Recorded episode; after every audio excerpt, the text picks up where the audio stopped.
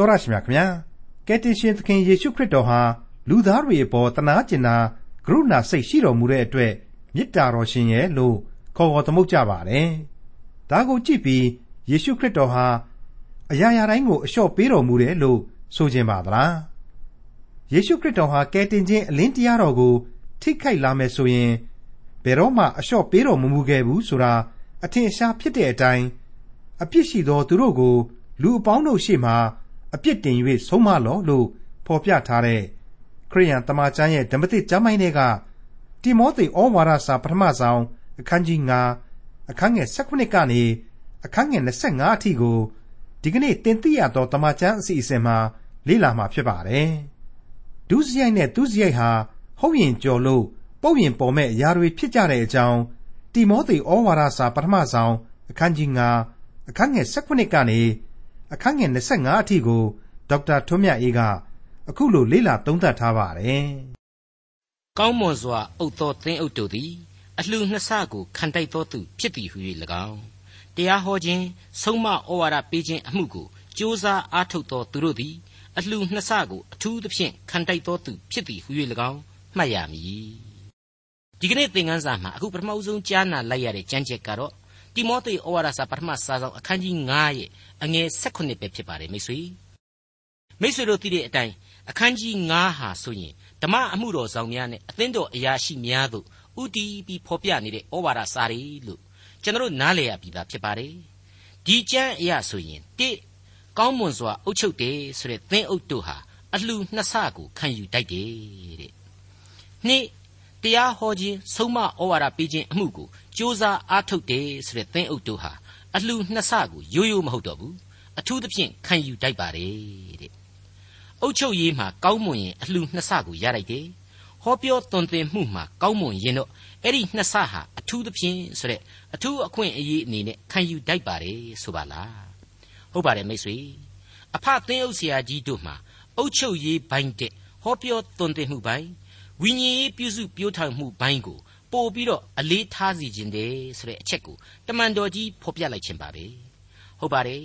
အုတ်ချုပ်ရေးအပိုင်းအတွက်သင်းအုပ်ဟာတာဝန်ရှိတယ်ဆိုတာကိုမငြင်းနိုင်ပါဘူးဒါပေမဲ့ဝိညာဉ်ရေးအတွက်ပို့ပြီးတော့တာဝန်ကြီးလေးနေတယ်ဆိုတာကိုဖော်ပြရာရောက်နေပါတယ်ဒါဟာဘာကိုဆိုလိုပါသလဲဝိညာဉ်ခွန်အားပြေဝနေတဲ့အသင်းတော်မှာအခြားသောလောကစီမင်းစည်းကမ်းတွေဟာများစွာမလိုတော့ပြီ ဖျားသခင်ဤဥဆောင်မှုအခန်းကဏ္ဍဟာဒီအသင်းတော်ပေါ်ကိုလွှမ်းမိုးနေပြီတန်ရှင်းသောဝိညာဉ်တော်သာလျှင်ဒီအသင်းတော်ကိုစိုးမိုးအုပ်ချုပ်နေပြီဆိုတဲ့အတိတ်ပဲပါပဲကနဦးအသင်းတော်များကလေးကအသင်းတော်ကိုဥဆောင်သူရသူတို့ဟာလဆာငွေရယူကြရတယ်အဲ့ဒီလိုရယူခြင်းဟာစီးပွားရှာခြင်းအရှင်မဟုတ်လှုပ်ရှားခြင်းလည်းအရှင်မဟုတ်တိုက်ဆောက်ကားစီဝါကြွားရန်အရှင်မဟုတ်ဖျားသခင်အတွက်အမှုတော်ကိုဆောင်တယ် အဲ့ဒီအမှုတော်ကိုဆောင်ရတဲ့အတွက်တခြားစီးပွားရှာတယ်လို့ဝင်ငွေဟာမကောင်းနိုင်ဘူးအရေးမကြီးဘူးအသင်းတော်ဟာလစာကိုပေးရလိမ့်မယ်အဲ့ဒီလစာဟာလေဆရာတပားရဲ့အရေးအချင်းအလိုက်ထိုက်တိုက်တန်တန်ရှိတဲ့တယ်ထိုက်တန်စွာပေးတဲ့တယ်တဲ့တမန်တော်ကြီးဒါကိုဆိုလိုတာပါဒီအပိုင်းနဲ့ပတ်သက်လို့တချို့သူတည်သူတွေဟာအမျိုးမျိုးသုံးသပ်ဝေဖန်ကြပါတယ်တမန်တော်ကြီးကပဲငွေစကားကိုပြောသေးအောင်ရောင်ပေါ့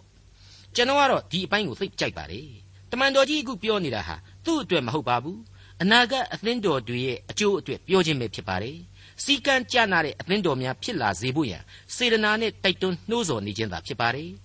ဓမ္မသမိုင်းအရာပြန်ကြည့်လိုက်မယ်ဆိုရင်လေတမန်တော်ကြီးဟာပညာရှိကြီးတစ်ပါးဖြစ်ခဲ့တယ်အဲ့ဒီခေတ်ယဉ်ကျေးမှုအရာအတွေးအခေါ်အယူအဆတွေကိုထုတ်ပြန်လမ်းစဉ်သစ်တွေကိုဖော်ပြပြီးတော့အဘိဓမ္မာဆရာကြီးအဖြစ်ကောင်းကောင်းထိုင်ပြီးတော့ဒူးနှံပြီးစားနိုင်တဲ့လူဒန်းစားမျိုးဖြစ်တယ်။သူအဲ့ဒီလိုလုတ်ကင်မစားခဲ့ရှာပါဘူး။ တဲရှင်ချုပ်တဲ့ကုံတွေအလုတ်ကိုသူလုတ်ခဲ့တယ်။ကိုသမင်းကိုစားတယ်။မိုင်ပေါင်းထောင်သောင်းကိုလမ်းလျှောက်ပြီးတော့သာသနာပြုတယ်။ပင်လေကိုဖြတ်ပြီးတော့အမှုတော်ကိုဆောင်တယ်။ကိုကြိုးစီးပွားဆိုတာကိုဘာမှတစ်ချက်ကလေးမှမရှိခဲ့ဘူးမရှာခဲ့ဘူးအမှုတော်ကိုပဲသူဟာစိုက်လိုက်မတ်တက်ဆောင်ရွက်ခဲ့တယ်ဆိုတာကိုတွေ့ရပြီးသားပါသူ့အတွက်သာမဟုတ်သေးပါဘူး သူနဲ့အတူအမှုတော်ဆောင်တဲ့လူတွေအတွက်ပင်ဖြင့်သူဟာတာဝန်ယူပြီးတော့ကြွေးမွေးပြုစုခဲ့သေးတယ်ဆိုတဲ့အချက်တွေးကိုတမန်တော်ဝတ္ထုသင်ခန်းစာတွေမှာရှင်းလင်းပြသစွာကျွန်တော်တို့မြင်ရပါတယ်ကျွန်တော်မကြာခဏကိုးကားနေတဲ့တမန်တော်ဝတ္ထုအခန်းကြီး20အငယ်32က38အတွင်ဖော်ပြချက်တွေကိုပြန်ပြီးတော့နားဆင်ချင့်ချင်ကြည့်စေခြင်းပါတယ်ညီအကိုတို့ယခုငါသည်သင်တို့ကိုဘုရားသခင်၌အပ်နှံ၏ သသင်တို့ကိုတိဆောက်ခြင်းဟာ၎င်းတန်ရှင်းသောသူအပေါင်းတို့နှင့်အတူသင်တို့အားအမွေပေးခြင်းဟာ၎င်းတတ်နိုင်သောဘုရားသခင်၏ကျေးဇူးတော်တရား၌လေသင်တို့ကိုငါအနှံ့၏သူရွှေငွေအဝတ်တစားတို့ကိုငါသည်တတ်မဲ့ခြင်းမရှိပြီငါလက်တို့သည်ငါကို၎င်းငါအပေါင်းအဖော်တို့ကို၎င်းလှုပ်ကြွေးပြီဟုသင်တို့သည်ကိုယ်တိုင်သိကြ၏ထို့သောသင်တို့သည်လည်းအလုတ်လုတ်၍အားနေသောသူတို့ကိုမဆာရမည်ကို၎င်း အစွန့်အကျဲခံခြင်းအရာတဲ့စွန့်ကြဲခြင်းအရာသည်သာ၍မင်္ဂလာရှိသည်ဟုသခင်ယေရှုမိန့်တော်မူသောစကားတော်ကိုအောက်မေ့ရမည်ကို၎င်းအရာရာ၌သင်တို့အားငါပြသပြီဟုပေါလုဆိုပြီးလျှင်ဒူးထောက်၍ထိုသူအပေါင်းတို့နှင့်တကွဆုတောင်းလေ၏ထိုသူအပေါင်းတို့သည်လည်းအလွန်ငိုကြွေး၍ပေါလု၏လေပင်ကိုဖဲ့ရန်လျက်သူ့ကိုနမ်းကြ၏မိတ်ဆွေအပေါင်းတို့ခမညာ တမန်တော်ကြီးဟာအဲ့ဒီလိုဓမ္မအမှုတော်ဆောင်တွေကိုလကပေးရမယ်ဆိုတဲ့အချက်ကိုဖော်ပြပြီးတဲ့နောက်ရှင်းလင်းချက်အနေနဲ့တိမောသေဩဝါဒစာပထမစာဆောင်အခန်းကြီး9အငယ်16ဟာအခုလိုဖော်ပြလိုက်ပါတယ်အကြောင်းမူကားစပားနင်းနေသောနွားဤနှုတ်ကိုမချုပ်တီးရဟုကြမ်းစာလာ၏တစ်ချက်ကလှုပ်ဆောင်သောသူသည်အခကိုခံတိုက်ပေသည်ဟုလာပြန်၏နွားကြီးတွေစပားနင်းရတဲ့အချိန် ကိုကသာနင်းပြရတယ်ပါဇက်ကိုချုပ်ထားတဲ့အတွက်ကြောင့်သူတို့ခမရမှာစပားနင်းရင်နဲ့ပါဇက်နဲ့မှီသွေးလေးလှမ်းပြီးစားခြင်းဝါခြင်းတာတော့မစားရဘူးတဲ့အဲ့ဒီလိုအဖြစ်ဆိုးမျိုးရောက်အောင်မလုပ်ပါနဲ့စားကြပါစီကွယ်ဆိုပြီးတော့ကျမ်းစာမှာဖော်ပြထားခဲ့ပါတယ်ဟုတ်ပါတယ်တရားဟောရာကျမ်းအခန်းကြီး25အငယ်၄မှာစပားနင်းနေသောနွားဤနှုတ်ကိုမချုပ်မတီးရတဲ့အဲ့ဒါကိုတမန်တော်ကြီးကပြန်ပြီးတော့အကိုအကာပြုလိုက်ပါတယ်ရှင်းနေပါတယ်အဖဖျားသခင်ဟာအကျဉ်းနာကင်းမဲ့ခြင်း မေတ္တာခေါင်းပါခြင်းကိုအခွင့်မပြုဘူးသနာညှာတာတတ်တယ်တရားမျှတတတ်တယ်တရားမျှတတယ်ဆိုတာတွေ့ကိုဒီအပိုင်းဟာရှင်းနေအောင်ဖော်ပြလျက်ရှိနေပါတယ်အဲ့ဒီအတိုင်းပါပဲမိတ်ဆွေရှင်လုကာခရစ်ဝင်ကျမ်းအခန်းကြီး30အငယ်9မှာကြတော့ထိုအိမ်၌နေ၍အစားအသောက်စီရင်ရာကိုစားတော့ကြလော့အကြောင်းမူကားလှုပ်ဆောင်သောသူသည်အခကိုခံတိုက်ပေ၏တဲ့မိတ်ဆွေတို့တတ်ရှင်အပေါင်းတို့ဒီဩဝါဒပြုထားတဲ့အချက်တွေကိုခံယူကြရမှာကတော့ ဝိညာဉ်ရေးသတိဝိညာဉ်ရေးအမြင်တို့နဲ့ခံယူကြရမှာပါနော်ဟေ့ငါတို့ကစူးစမ်းပန်းစားဟောကြပြောကြရတာကွာနောက်လာကြနှစ်ဆတိုးပြီးမပေးရင်ထွက်မယ်ဆိုတာမျိုးခံယူဖို့မလိုပါဘူးခံယူဖို့မဟုတ်ပါဘူးအဲ့ဒါဆိုရင်တော့ကိုယ့်ရဲ့ဘက်ကိုကိုဆွဲပြီးတော့နှုတ်ကပတ်တော်ကိုတရသေးခံယူခြင်းပဲလို့ဆိုရတော့မှာဖြစ်ပါတယ်တရသေးအလွတ်ကျက်ပြီးတော့လှေနံဓာတ်တစ်လုပ်ဖို့မဟုတ်အသင်းတော်နဲ့သင်းအုပ်ဆရာနဲ့နှစ်ဖက်စလုံးဟာဒီကျမ်းပိုင်းကိုအလေးအနက်ပြုဆင်ခြင်အပ်တယ်လို့ကျွန်တော်တင်ပြလိုက်ပါရစေ တိမောသေဩဝါဒစာပထမစာဆောင်အခန်းကြီး9အငယ်19တက်သေးနှစ်ဦးသုံးဦးမရှိလျင်သင်းအုပ်၌အပြစ်တင်သောစကားကိုနားမထောင်နှင့်ဒီဩဝါဒဟာလေအထက်ကသဘောတရားအတိုင်းပါပဲလှေနံဓာတ်ယူဖို့မဟုတ်ပါဘူးကိုယ်စိတ်ကြိုက်ဆွဲယူဖို့မဟုတ်ပါဘူးကိုရဲ့ကိုအပေါင်းအသင်းရဲ့ကိုဘက်တော်သားရဲ့ကိုမိမရဲ့ကိုသားသမီးရဲ့စုစုပေါင်း၄၅ယောက်လည်းရှိရောတိမောသေဩဝါဒစာအရသင်းအုပ်ဆရာကိုဖြုတ်ချမယ် ဘင်းမှာအပြစ်ရှိနေတာခိုင်လုံနေပြီဆိုပြီးတော့တွားပြီးတော့မလုပ်ပါနဲ့ချင့်ချိန်ပါစဉ်းစားပါအထက်အခန်းကြီး၃တုန်းကရှေ့တန်းပြည့်ညက်ချက်ကြီးကိုမေ့မပစ်ပါနဲ့သင်းအုပ်သည်အပြစ်ကင်ကွင်းနှင့်ကင်းလွတ်တော်သူတဲ့အဲ့ဒါကိုအခြေခံအချက်ဖြစ်တွေ့ရပြီမဟုတ်ဘူးလား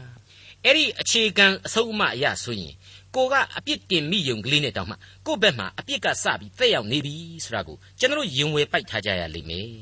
သင်းအုပ်တို့ဓမ္မဆရာတို့ရဲ့ကိစ္စတွေကိုကိုကမကြည့်နှက်ဘူးဆိုပါတော့ ဖျားသခင်လက်တော်ကိုအပ်ပြီးဆူတောင်းအဖြေရှာအဲ့ဒါဟာအကောင်းဆုံးဖြစ်လိမ့်မယ်လို့ကျွန်တော်တွေးမိပါတယ်ဖျားသခင်လက်တော်တဲ့အပ်တယ်ဆိုတာတောင်မှကြည့်ကျက်ပြီးမှအပ်အောင်ငကိုယ်တည်းကသင်းဥဆရာဆိုတာကျွန်တော်တို့ခံယူချက်အရာဘုရားသခင်ကခန့်ထားပေးခြင်းအဲ့တော့ကိုကအအမတော်ခဲ့ရင်အတက်ကိုကိုယ်တိုင်ကဘုရားသခင်လက်ထဲရောက်တော့ပြီးတော့အပြစ်ဖြစ်နိုင်တယ်လို့ကိုယ်သာလျှင်ဒုက္ခရောက်နိုင်တယ်လို့ကျွန်တော်တို့ကတော့ရိုးရိုးကလေးပဲတွေးပါတယ်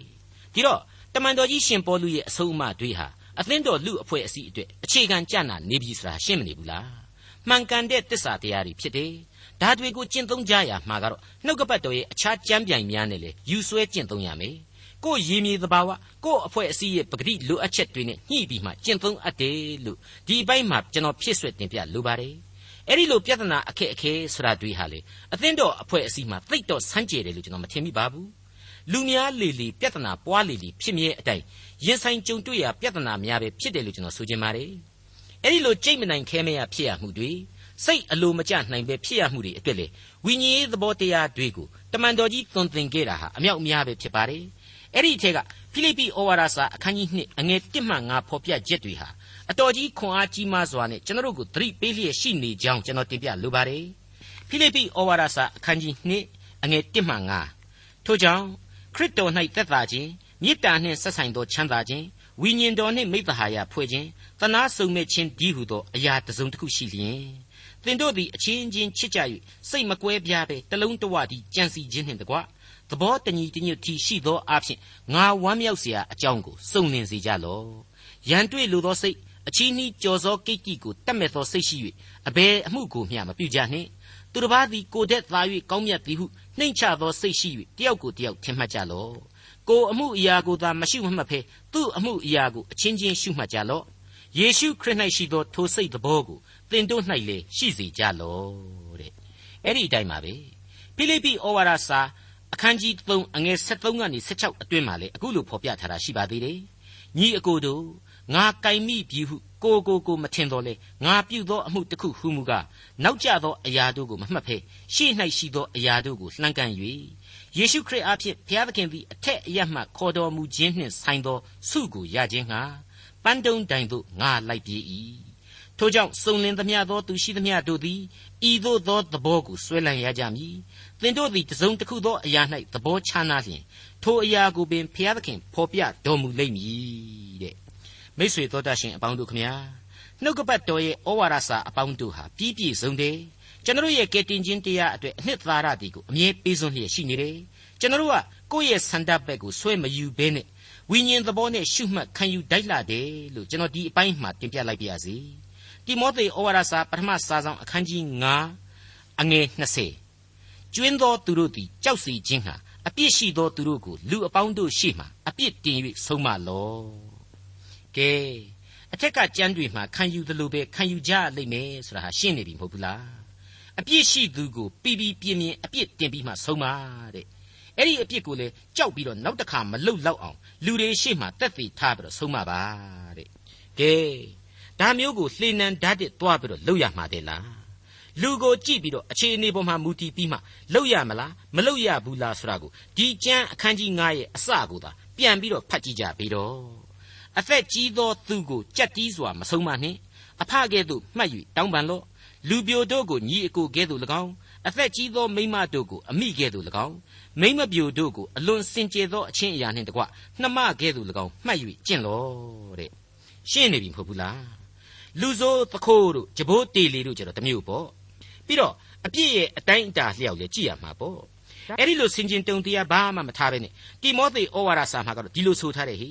ဒီအတိုင်းပဲလှုပ်ကိုလှုပ်ရမယ်ဆိုပြီးတော့အသက်80ကျော်အဖိုးကြီးအသင်းတော်မှာအပြစ်တစ်ခုခုကျူးလွန်မိတယ်ပဲထားပါတော့လူအပေါင်းတို့ရှိမှတောင်မွေးကြီးနဲ့ထွက်လာခဲ့ဆိုပြီးတော့အပြစ်တင်ရမလားဆုံးမရမလားအရှက်တကွဲအကျိုးနဲ့ဖြစ်အောင်လုပ်ရမှာလားအဲ့ဒီလိုမဟုတ်ပါဘူးဒီအတိုင်းမှာပဲလူပြိုကလေးလုံမပြိုကလေးတွေမုတ်ဆိုးမတွေ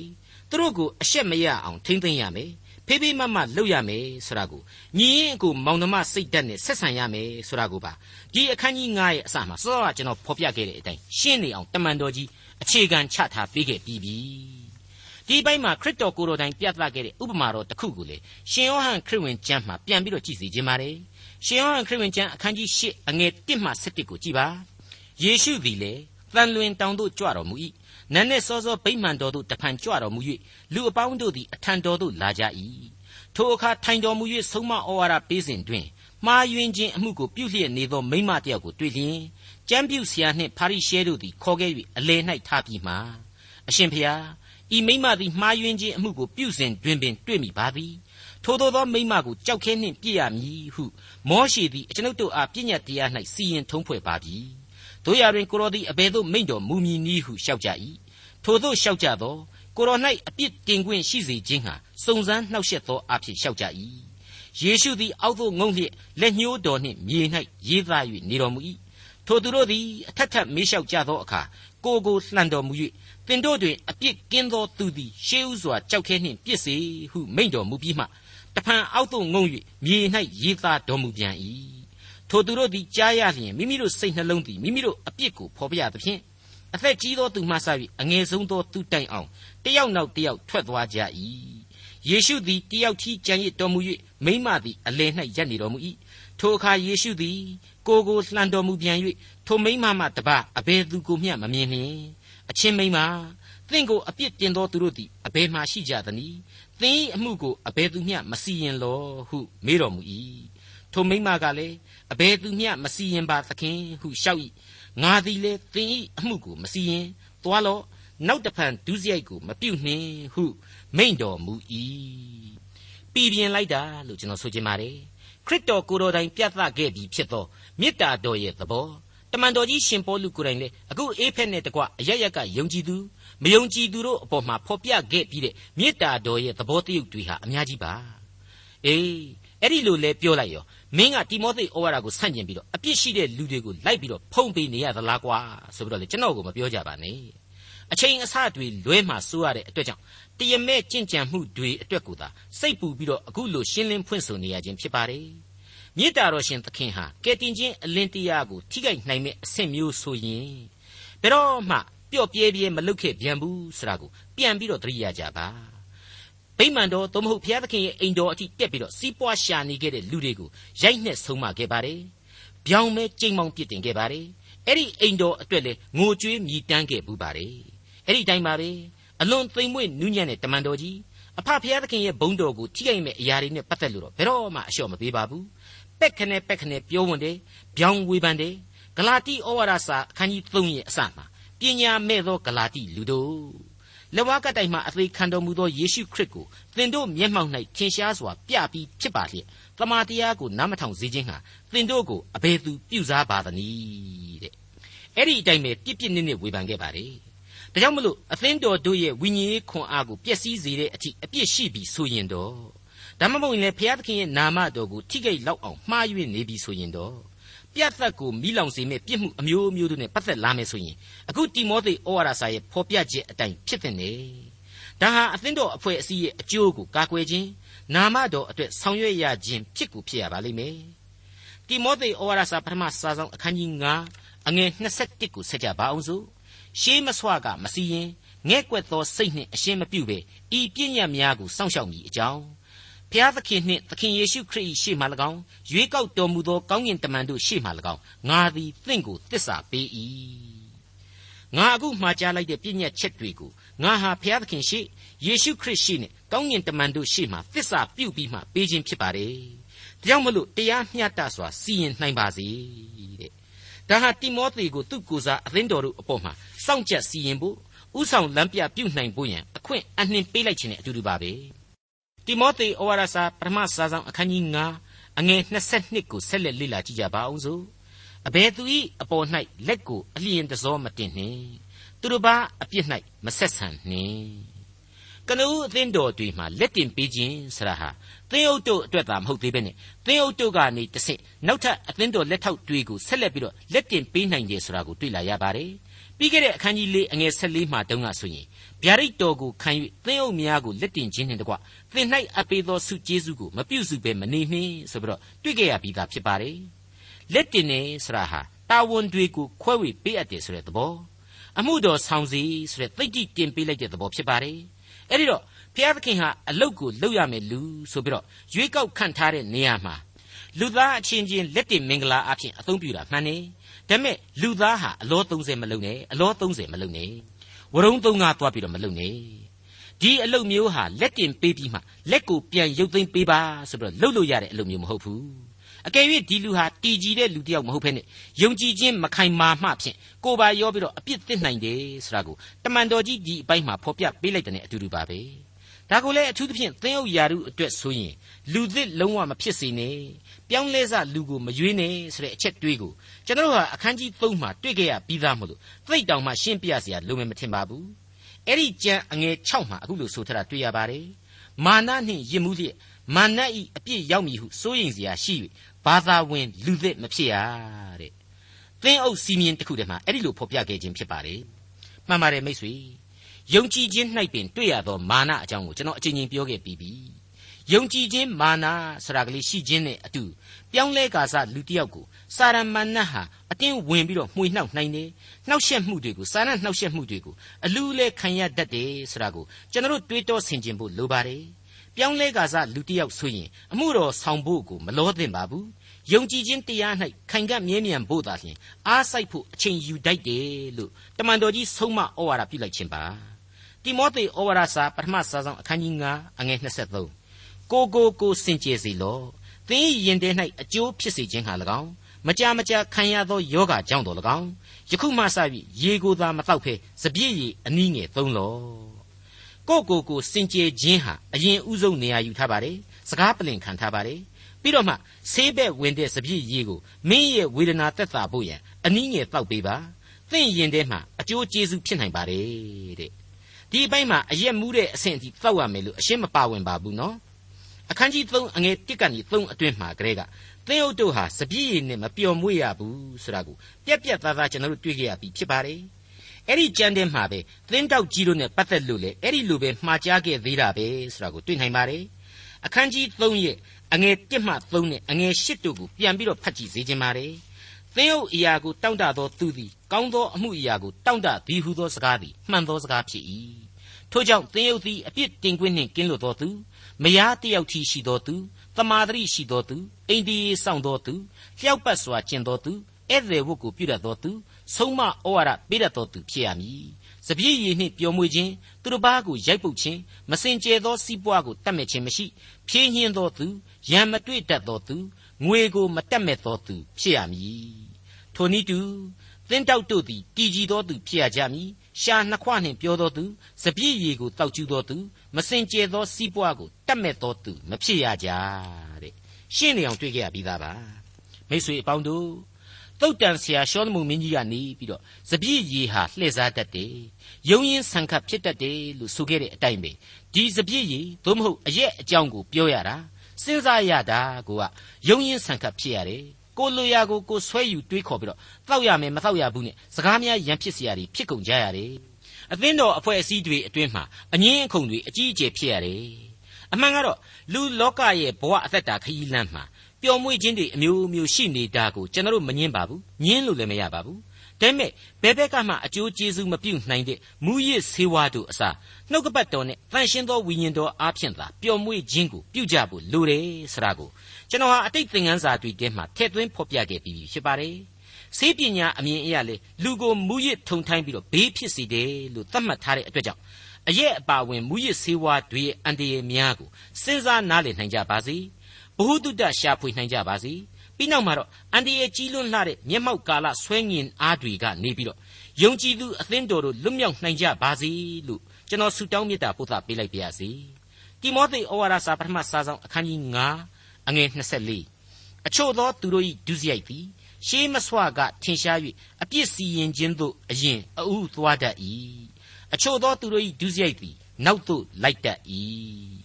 အဖဖျားသခင်ရဲ့အပြစ်စီရင်ခြင်းဆိုတာကိုနားလည်နိုင်ဖို့ခက်တဲ့အကြောင်းကိုတမန်တော်ကြီးဒီအပိုင်းမှာပညာသားပါပါဖော်ပြပေးလိုက်ခြင်းဖြစ်ပါတယ်။တခါတည်းမှာကိုယ့်အပြစ်အတိုင်းကိုပြန်ပြီးတော့မခံရတဲ့အခါမှာလူသားဟာအဟုတ်ကြီးမှတ်ပြီးတော့မိုက်လုံးကြီးတတ်တယ်မိုက်အားကောင်းတတ်တယ်။ တကယ်တကယ်တော့အဖဖျားသခင်ဟာအပြစ်တရားအတိုင်းချက်ချင်းမစီရင်ဘဲနေခြင်းနေနိုင်ပါတယ်။အပြစ်စီရင်တဲ့အခါမှာလေပြန်လဲပေးဆိုင်ရခြင်းပုံစံတွေဟာအမျိုးမျိုးဖြစ်နိုင်တယ်ဆိုတာကိုဒီအပိုင်းမှာကျွန်တော်တို့နားလည်ခံယူဖို့လိုပါတယ်။ဥပမာအားဖြင့်ဆိုရင်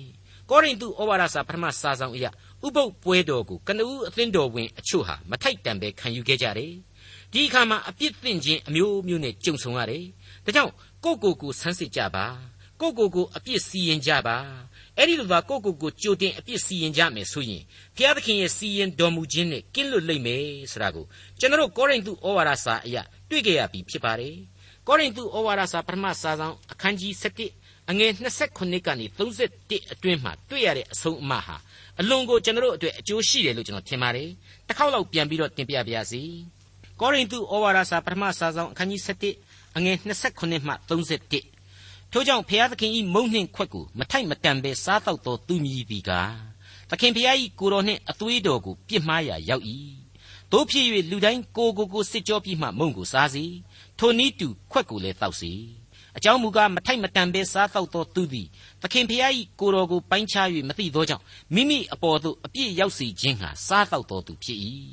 ထိုအကြောင်းကြောင့်တင်တို့တွင်အားနေသောသူမကြမ်းမမာသောသူအများရှိကြ၏ သေသောသူလည်းအများရှိကြ၏ငါတို့သည်ကိုကိုကိုစစ်ကြောစီရင်လျင်စစ်ကြောစီရင်တော်မူခြင်းနှင့်ကင်းလွတ်ကြလိမ့်မည်မိတ်ဆွေအပေါင်းတို့အပြစ်ရှိပြီဆိုတာကိုသိတဲ့ယုံကြည်သူခရိယန်တယောက်ဟာကိုကိုကိုစီရင်ရတယ်တဲ့အဲ့ဒါဟာနောင်တစိတ်တစ်ခုတည်းနဲ့မပြည့်စုံသေးပါဘူးနော်ဖျားသခင်ရှေ့တော်မှာဝန်ချတောင်းပန်ပြီးတော့အကောင်းဆုံးကိုပြန်လေပေးဆက်ဖို့ရန် အလိုတော်နဲ့အညီဘုရားသခင်ကအပြည့်ရဲ့အဖို့အခကိုပြန်ပြီးပေးမယ်ဆိုရင်လေဝန်ခံရန်ဆိုတဲ့အဓိပ္ပာယ်ရှိပါတယ်ကိုကျူးလွန်မိခြင်းအပြစ်ကိုလူသားဟာကိုကိုယ်တိုင်သိတာပဲဒါအတွက်ငါဘယ်နည်းနဲ့ပြန်လဲပေးဆက်တင်တယ်ပြန်ပြီးတော့အနာခံတင်တယ်ထိုက်တန်တော်လျော်တဲ့စွန့်လွတ်ခြင်းတွေနဲ့ပြန်ပြီးတော့ဖာဖာထေးထေးလုပ်မယ်ကောင်းမှုတစ်ခုခုနဲ့အစားထိုးပေးမယ်ဆိုရင်ဒါဟာအကျိုးကျေးဇူးရှိနိုင်တယ်လို့ကျွန်တော်တို့ဒီအပိုင်းမှာခံယူနိုင်ပါတယ်အတိတ်ကအားဖြင့်တော့အဖဖျားသခင်ရဲ့လက်တော်ကို မြဲမြံစွာဆုပ်ကင်ထားဖို့ရံဖြစ်ပါတယ်တိမောသေဩဝါဒစာပထမစာဆောင်အခန်းကြီး9အငယ်25ထိုနည်းတူအချို့သောသူတို့၏သူစရိုက်သည်ထင်ရှားတတ်၏မထင်ရှားသေးသောသူစရိုက်ကိုလည်းဝှဲ့၍မထားနိုင်အပြစ်ဒုစရိုက်ကျူးလွန်ခြင်းနဲ့ပြန်လည်ပေးဆက်ရခြင်းအကြောင်းတွေကိုတွေ့ကြရပြီးတဲ့နောက်မှာတော့သူစရိုက်ကိုပြုသူကောင်းကျိုးပြုသူဟာလည်းဘယ်တော့မှကောင်းကြီးမခံစားရပဲမနေပါဘူးဆိုတဲ့အတိတ်ပဲကိုတမန်တော်ကြီးဆက်လက်ဖော်ပြပေးလိုက်ပါတယ် တခါတည်းမှာကိုယ့်ရဲ့ကောင်းမှုနဲ့ပတ်သက်ပြီးတော့လူသားဟာသိပ်ပြီးတော့ကိုယ့်ကိုယ်ကိုအထင်တကယ်ဖြစ်တတ်ကြပါတယ်တုံ့ပြန်စုကျေးဇူးဆိုတာကိုလည်းမျှော်လင့်တတ်ကြပါတယ်သဘာဝတော့ကြာတာပါပဲဘာပဲပြောပြောမိမိတို့ထင်တယ်လို့လည်းမပေါက်ရောအဖဖျားသခင်ကိုတောင်းမှပြန်ပြီးတော့မုံမိမေ့မိတဲ့အဖြစ်မျိုးမဖြစ်ဖို့လိုလိမ့်မယ်ဆိုတာကိုတမန်တော်ကြီးရှင်ပေါလုဟာတိမောသေဩဝါဒစာပထမစာဆောင်အားဖြင့်ကျွန်တော်တို့ကိုရှင်းလင်းပြသစွာဆုံးမပေးလိုက်ပါတယ် ဒေါက်တာထွန်းမြတ်၏စီစဉ်တင်ဆက်တဲ့တင်ပြတော်တမချန်း အစီအစဉ် ဖြစ်ပါတယ် နောက်တစ်ချိန်အစီအစဉ်မှာ ခရိယန်တမချန်းရဲ့ ဓမ္မသစ်ကျမ်းပိုင်းတွေကတိမောသေဩဝါဒစာ ပထမဆောင်ရဲ့ နောက်ဆုံးအခန်းကြီးဖြစ်တဲ့ အခန်းကြီး6ကို လေ့လာမှဖြစ်တဲ့အတွက် စောင့်မျှော်နားဆင်နိုင်ပါတယ်။